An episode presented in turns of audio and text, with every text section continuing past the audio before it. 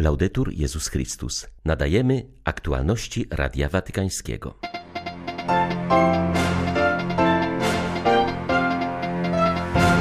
Franciszek kanonizował dwóch świętych od migracji. Brak otwierania drzwi przed ludźmi, którzy są w potrzebie, nazwał zbrodnią i grzesznym działaniem.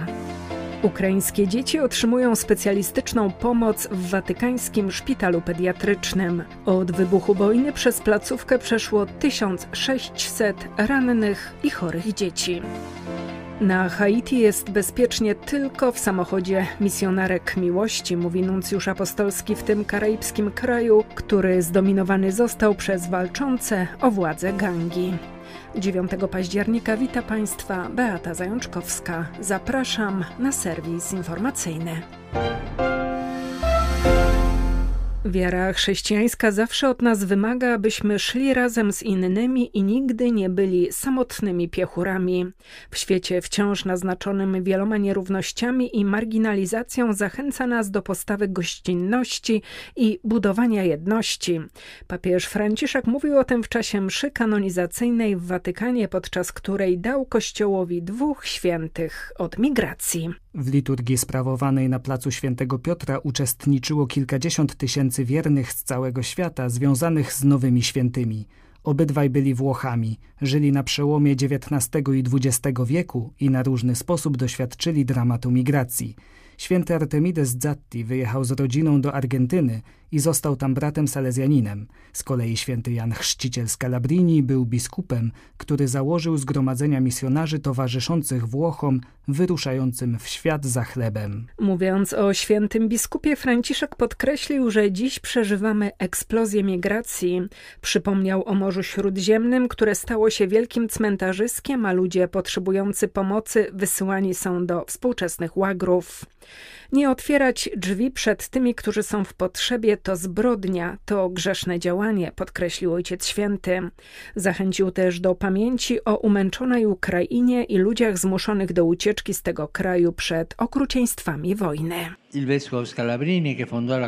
Biskup Scalabrini, który założył zgromadzenie dla opieki nad emigrantami, stwierdził, że we wspólnej wędrówce tych, którzy emigrują, należy widzieć nie tylko problemy, ale także plan opatrzności. Właśnie z powodu migracji wymuszonych przez prześladowania, mówił, Kościół pokonał granice Jerozolimy i Izraela i stał się katolicki. Dzięki dzisiejszym migracjom Kościół będzie narzędziem pokoju i komunii między narodami. Mówiąc z kolei o świętym bracie Salezjaninie, Franciszek przypomniał, że pozostał wierny obietnicy złożonej Matce Bożej za uratowanie mu życia w chorobie. Salezjański brat koadjutor Artemides Zatti był żywym przykładem wdzięczności. Wyleczony z gruźlicy całe swoje życie poświęcił wdzięczności innym, opiece nad chorymi z miłością i czułością. Podobno widziano go, jak niósł na ramionach martwe ciało jednego ze swoich pacjentów. Pełen wdzięczności za to, co otrzymał, chciał powiedzieć swoje dziękuję, biorąc na siebie rany innych.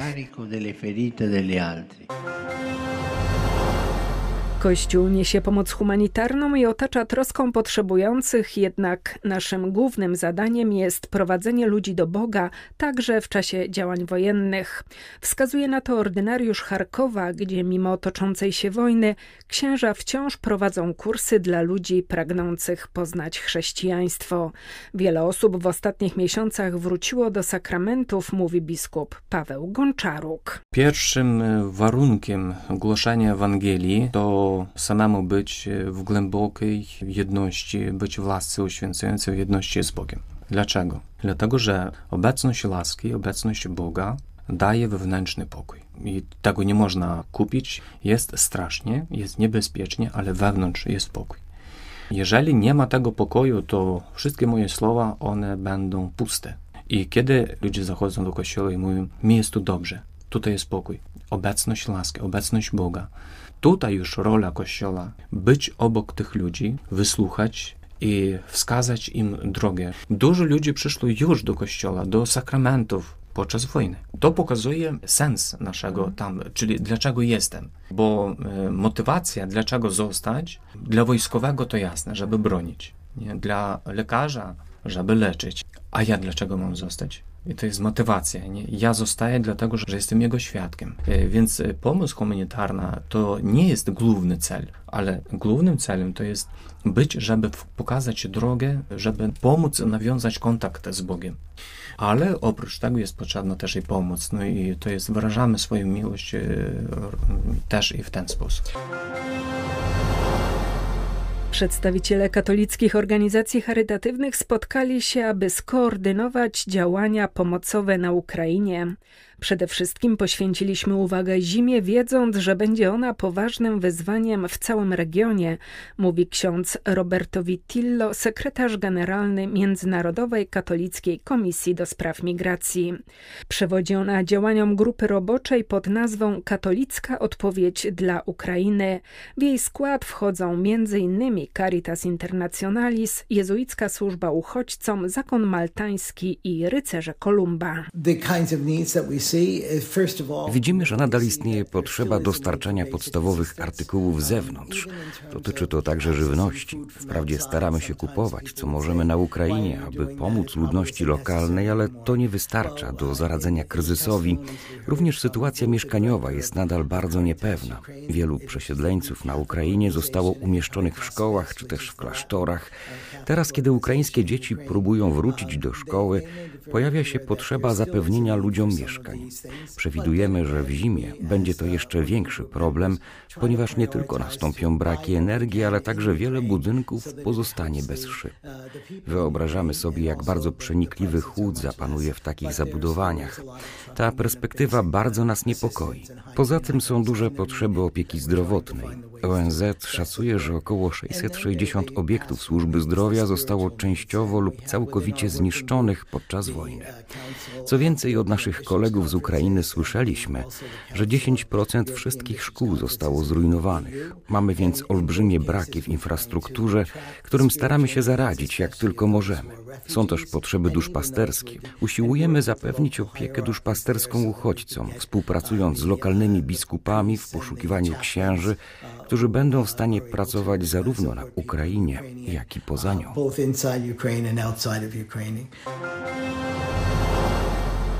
Ukraińskie dzieci otrzymują specjalistyczną pomoc w watykańskim szpitalu pediatrycznym.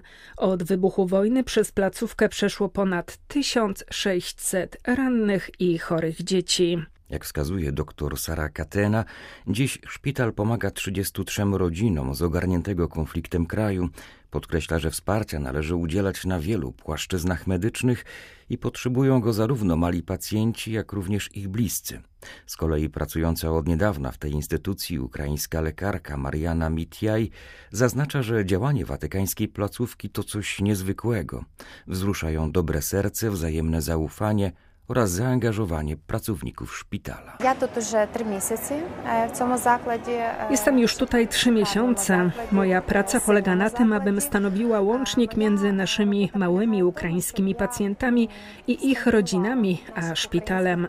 Watykan to maleńkie państwo, ale ten miejscowy szpital to taka potężna instytucja, która wiele nam daje i mocno pomaga naszym dzieciom.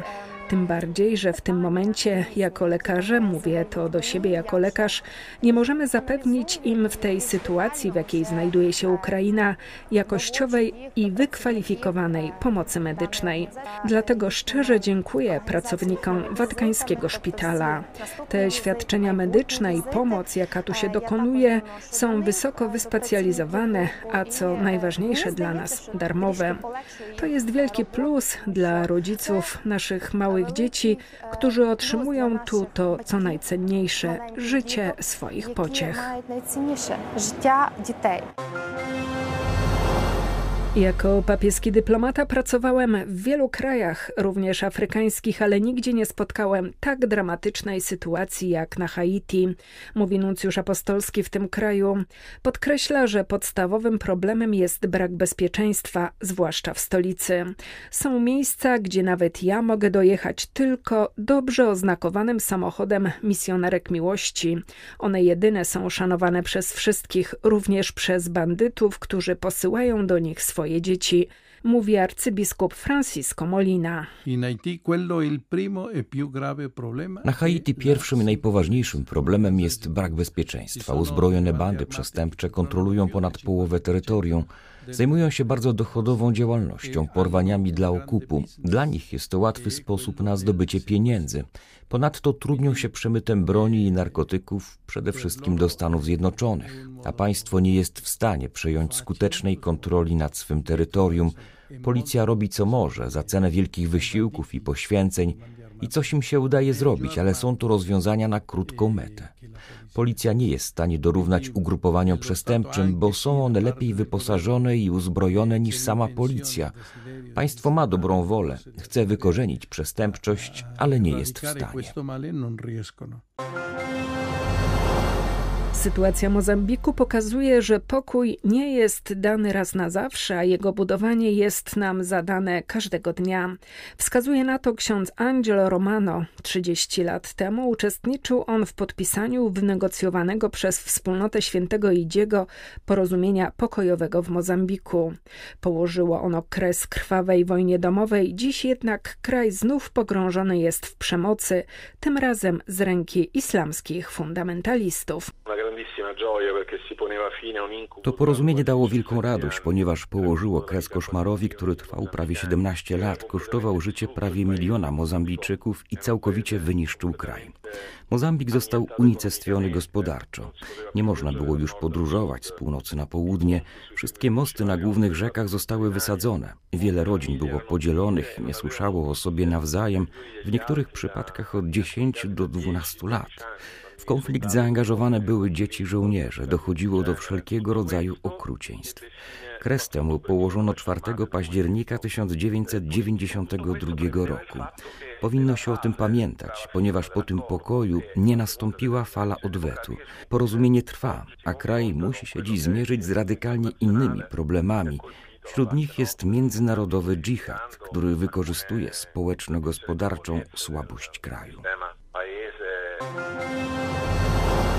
Chrześcijanie w Birmie stanowią zaledwie 1% obywateli. Mogłoby się wydawać, że nic nie znaczą. W regionach objętych konfliktem jest ich jednak więcej. Kościół płaci więc w tej wojnie bardzo wysoką cenę, wskazuje w rozmowie z Radiem Watykańskim jeden z posługujących tam misjonarzy, który ze względów bezpieczeństwa pragnie zachować anonimowość. Kraj ten cierpi od wojskowego zamachu stanu w lutym ubiegłego roku. Misjonarz wskazuje, że wojskowym zależy jedynie na własnych interesach. Chcą podporządkować sobie kraj strachem. Stawia to Kościół w bardzo trudnej sytuacji. Les évêques sont très prudents, mais on peut les comprendre. Biskupi są bardzo ostrożni, można ich zrozumieć, nawet jeśli czasami chcielibyśmy, żeby mocniej protestowali. Wzywają więc do dialogu, a nie do protestów i przypominają, że kościoły to miejsca święte, że nie można ich atakować. Ale ludzie są przekonani, że nie da się prowadzić dialogu z armią.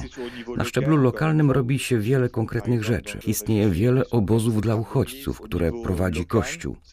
Na samym początku, kiedy doszło do tych gigantycznych demonstracji, było wielu księży, zakonnic i biskupów wychodzących przed katedry czy kościoły, niektórzy nawet z transparentami w obronie wyborów. Ale im bardziej wzrasta przemoc, tym bardziej działalność kościoła musi być dyskretna. Także po to, by móc nadal przyjmować uchodźców. A na poziomie lokalnym nie znam ani jednego księdza, który nie opowiadałby się za powrotem demokracji i pokoju. Były to aktualności Radia Watykańskiego. Laudetur Jezus Chrystus.